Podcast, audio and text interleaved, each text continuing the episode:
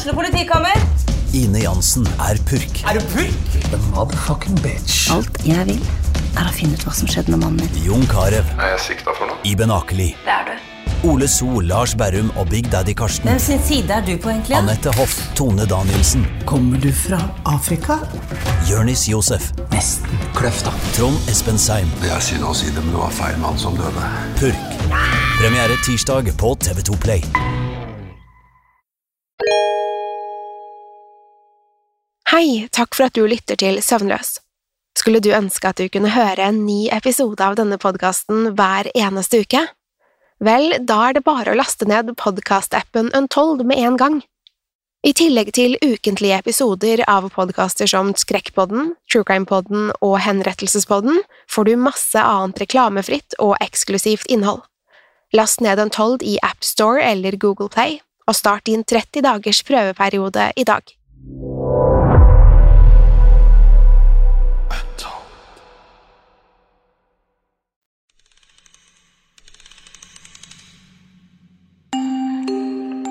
Om du har planer om å sove og drømme søtt i natt, er dette ikke podkasten for deg.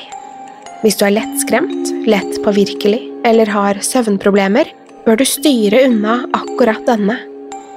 Om du likevel vil ta sjansen, eller er på utkikk etter en unnskyldning for å ikke sove, så har du kommet til rett sted. Om du velger å bli, er du herved advart. Velkommen til Søvnløs. God natt.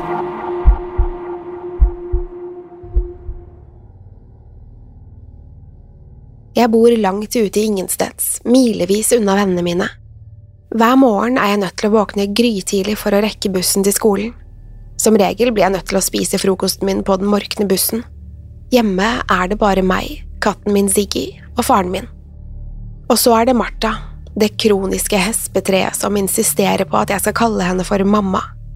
I det siste har jeg ikke akkurat følt for å gjøre det. Hun er sjeldent hjemme fordi hun visstnok jobber hver eneste dag, selv i helgen. Så snart hun kommer hjem, finner hun alltid en unnskyldning for å begynne å kjefte og rope, eller gråter ustanselig uten grunn. Ingen mennesker med rasjonelle tanker i hodet hater jobben sin så mye. Det er ingen som tvinger henne til å jobbe der heller. Hun tjener sikkert helt ok, men er det virkelig verdt å miste familiens respekt for? Når hun ikke er hjemme, er alt rolig og fredfullt, men når hun er der, er alt bare kaos. Folk flest ville kanskje reagert på all kjeftingen, men jeg er blitt så vant til det at jeg nesten ikke bryr meg lenger. De eneste gangene jeg virkelig bryr meg, er de få dagene hun faktisk har fri. Jeg takler ikke maset hennes en hel dag i strekk. Da pleier jeg å stikke av. Martha er kanskje kvinnen som ga meg liv, men måten hun behandler familien sin på, gjør henne på ingen måte verdig tittelen mamma. Jeg er 15 år gammel, får gode karakterer, banner ikke, gjør aldri noe særlig ut av meg og oppfører meg bra. Likevel skal hun alltid pirke på meg for et eller annet. Martha er aldri glad, og jeg begynner faktisk å mistenke at noe er alvorlig galt med henne. Faren min vil ikke snakke med meg om det.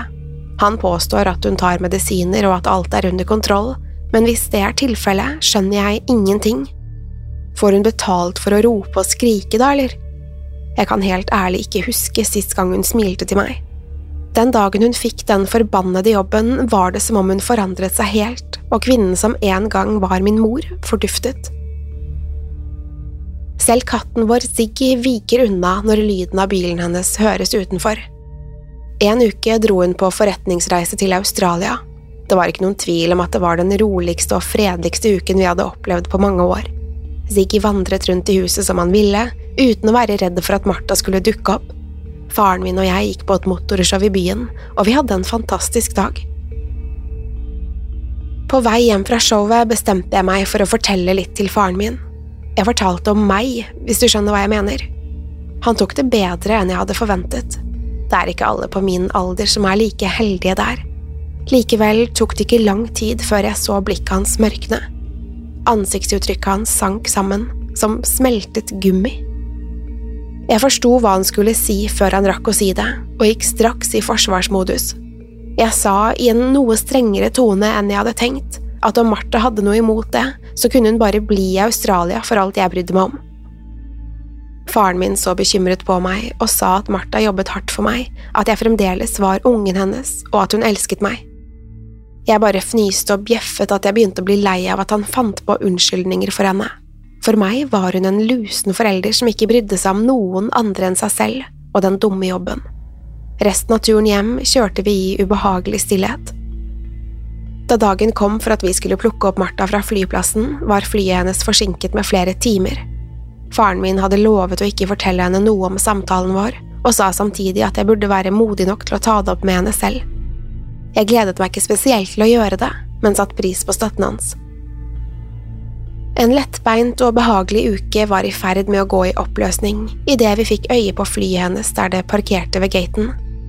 Noen minutter senere strømmet det mennesker ut i ankomsthallen. Jeg kjente nervøsiteten boble i magen og kvalmen bygge seg opp, og der var Martha, med et hjertelig og varmt smil idet hun fikk øye på meg. Drømte jeg? Hadde noen puttet noe i kaffen min den morgenen? Var det bare en lykkelig australsk turist som tilfeldigvis lignet fullt og helt på moren min? Hun kom faktisk løpende mot meg for å gi meg en klem. Jeg gjengjeldte den ikke, da det hele virket for godt til å være sant. På veien hjem stoppet vi på en av Østlandets beste burgerrestauranter, hvor Martha spanderte til det sved. Hun kaklet lystig i vei om disse merkelige australierne og alt det rare de spiste og drakk. Jeg svarte ikke mens jeg tygget i meg burgeren min i en fei, men faren min nikket ivrig med. Da vi endelig kom hjem, smatt Siggy inn på soverommet mitt med det samme han så Martha, som om halen hans sto i brann. Martha virket til å bli litt lei seg, som om hun plutselig gjerne ville leke med katten som hun ikke hadde tålt synet av de siste årene. Jeg kikket bort på faren min, og han må ha sett hvor skremt jeg var. Likevel fikk han seg ikke til å si noe. Denne personen måtte være en totalt fremmed, eller så hadde noe skjedd der nede i Australia. Det gikk flere dager, og denne merkelige oppførselen vedvarte. I stedet for å skrike og rope om alt jeg gjorde feil, virket Martha alltid overlykkelig for å se meg. Hun spurte også stadig om hvor det var blitt av Ziggy. Jeg var redd alt skulle rakne om jeg fortalte at han fremdeles lå skalv under sengen min, så jeg holdt munn. Så en dag kom jeg hjem fra skolen og fant rommet mitt strøkent. Alt av skittentøy og søppel var plukket opp, og flere klær lå nyvasket og brettet i skapet mitt. Jeg har vasket mine egne klær siden jeg var tolv, så du kan se for deg at jeg var forfjamset. Jeg spurtet bort til sengen for å se etter Ziggy, men nå var han borte. Jeg gikk inn i stuen for å se etter han, men det fantes ingen spor etter katten min noe sted. Det jeg fant, var Martha med ryggen til meg i den andre enden av stuen, mens hun nynnet lystig for seg selv. Jeg dristet meg til et lite kremt og spurte om hun hadde sett Siggy noe sted, og da snudde hun seg mot meg. Som i sakte film vokste øynene hennes til dobbel størrelse. Munnen hennes formet seg til et kvalmende, smalt smil som strakte seg fra øre til øre. Hun tok et par skritt mot meg, og magen min veltet seg i ubehag.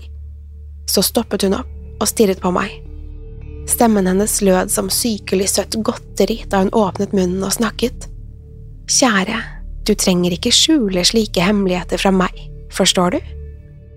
Hodet hennes var vinklet litt til den ene siden, som på en nysgjerrig liten fugleunge, men det var slett ikke søtt eller innbydende. Hvordan visste hun om det? Faren min hadde lovet å ikke fortelle om den lille samtalen vår noen dager i forveien. Jeg stormet ut og forsvant opp på soverommet mitt. Hadde jeg ikke håpet at Siggy skulle snike seg tilbake, hadde jeg sannsynligvis smelt døren igjen etter meg. Enda noen dager gikk, men Siggy kom ikke tilbake. Jeg hang opp plakater med ordene Katt savnet over hele byen, men ingen hadde sett noe til ham. Den neste uken tilbrakte jeg enten på rommet mitt eller på skolen, hvor jeg gjerne ble igjen noen timer ekstra for å slippe å snakke med Martha så mye som mulig. Jeg hadde aldri trodd jeg kom til å savne det monsteret av en mor som jeg hadde vært vant til. Om jeg hadde kommet hjem til kjefting og smelling, ville det i det minste bety at alt var som normalt. En dag hadde Marthas jobb ringt hjem til oss. Faren min svarte. De fortalte at hun hadde vært borte fra jobb flere dager, uten så mye som en e-post om hvor hun var. De virket ganske forbannet, ifølge faren min. Vanligvis ville jeg sagt at det var til det beste. Det virket tross alt som om det var jobben som gjorde Martha så arg og irritert. Om hun ikke gikk på jobb, hadde hun kanskje ingen grunn til å kjefte. Likevel virket det som det var noe annet. Jeg begynte til og med å slurve med pliktene mine bare for å se om jeg kunne irritere henne med vilje. Det ga ingen resultater. Martha bare smilte det nåletynne gliset sitt som fikk huden min til å krible av svette. Alt dette fortsatte enda en uke. Martha var fremdeles like kvalmende blid, og faren min fortsatte å late som om ingenting var galt. Jeg holdt meg for det meste på soverommet mitt og gjorde alt jeg kunne for å slippe å se Martha i øynene. Jeg burde kanskje ha vært noe skamfull. Endelig var Martha en noenlunde kjærlig mor, men jeg fikk meg ikke til å tro det var sant. Det virket bare for ekkelt og mystisk. En kveld da jeg var alene hjemme for en gangs skyld, ringte plutselig telefonen. Det var ikke så ofte det ringte til oss, og om det gjorde det, var det som regel til faren min. Jeg var lært opp til å la telefonen ringe om jeg var alene, så jeg lot som ingenting en stund. Likevel fortsatte det å ringe, som om de i den andre enden hadde noe svært viktig å fortelle. Derfor gikk jeg sakte mot telefonen og plukket opp røret.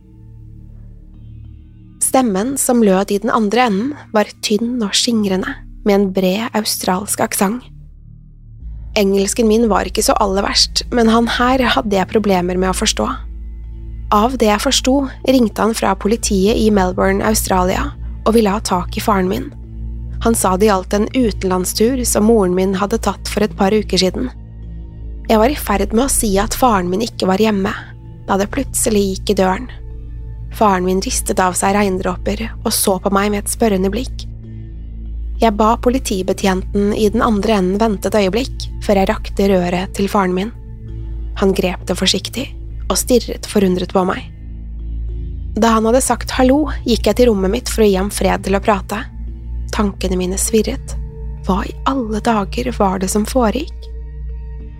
Ingenting ga mening i hodet mitt mens jeg hørte røret bli lagt på og raske skritt i trappen. Adrenalinet pumpet gjennom kroppen min idet døren til rommet mitt fløy opp. Der sto faren min, vill i blikket. Ansiktet hans var grått og hardt som sement da han ba meg pakke en sekk så fort jeg kunne og bli med ham. Jeg fikk meg ikke til å stille noen spørsmål, og gjorde som han sa uten å nøle. Alt jeg fikk klørne i ble stappet ned i skolesekken min før jeg satte av sted mot trappen. Nedenunder ble jeg møtt av faren min som holdt en finger over leppene. Jeg mimet noen ord, men han bare ristet på hodet og vinket meg med mot garasjen.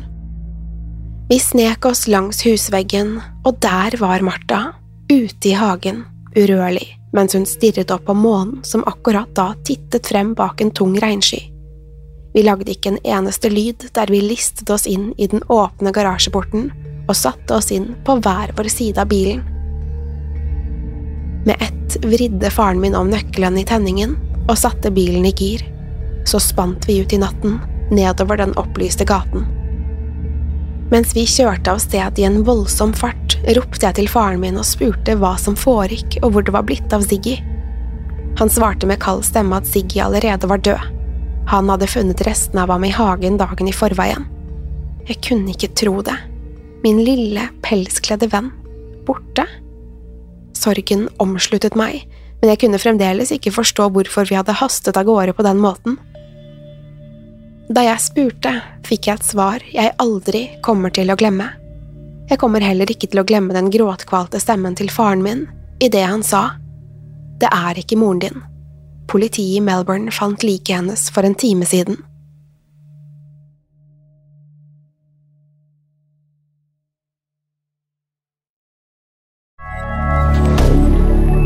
Media. Har du et enkeltpersonforetak eller en liten bedrift? Da er du sikkert lei av å høre meg snakke om hvor enkelt det er med kvitteringer og bilag i fiken, så vi eh, gir oss her, vi. Fordi vi liker enkelt. Fiken superenkelt regnskap.